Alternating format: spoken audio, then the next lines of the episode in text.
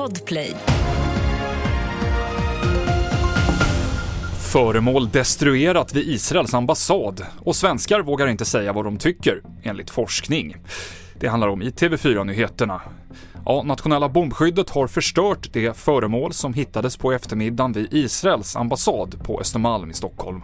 Föremålet bedömdes vara skarpt. Enligt uppgift till Aftonbladet så handlade det om en handgranat, men det är inget som polisen har bekräftat.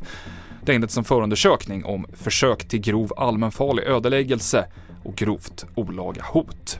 Sammanlagt omkring 400 ryska och ukrainska krigsfångar har blivit släppta i en utväxling mellan länderna idag.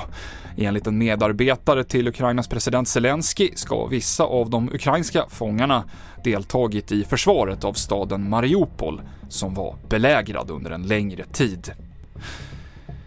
Över hälften av svenskarna censurerar sig själva och vågar inte uttrycka vad de egentligen tycker och tänker. Och tydligast är det bland de som röstar höger. Den slutsatsen drar forskare vid Uppsala universitet i en ny studie.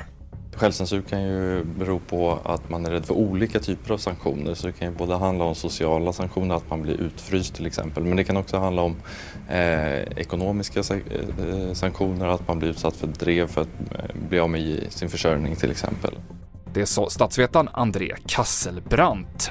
Och en nämndeman får lämna sina uppdrag vid förvaltningsrätten i Karlstad och Värmlands tingsrätt efter att han lagt ut en sång på sociala medier med en text om att döda muslimer.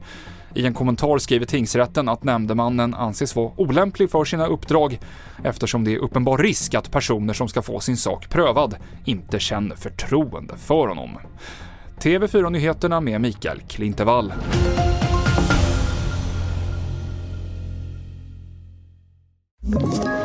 Ett poddtips från Podplay.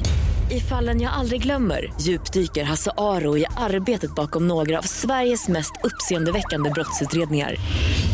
Går vi in med hemlig telefonavlyssning och, och då upplever vi att vi får en total förändring av hans beteende. Vad är det som händer nu? Vem är det som läcker? Och så säger han att jag är kriminell, jag har varit kriminell i hela mitt liv men att mörda ett barn, där går min gräns. Nya säsongen av Fallen jag aldrig glömmer på Podplay.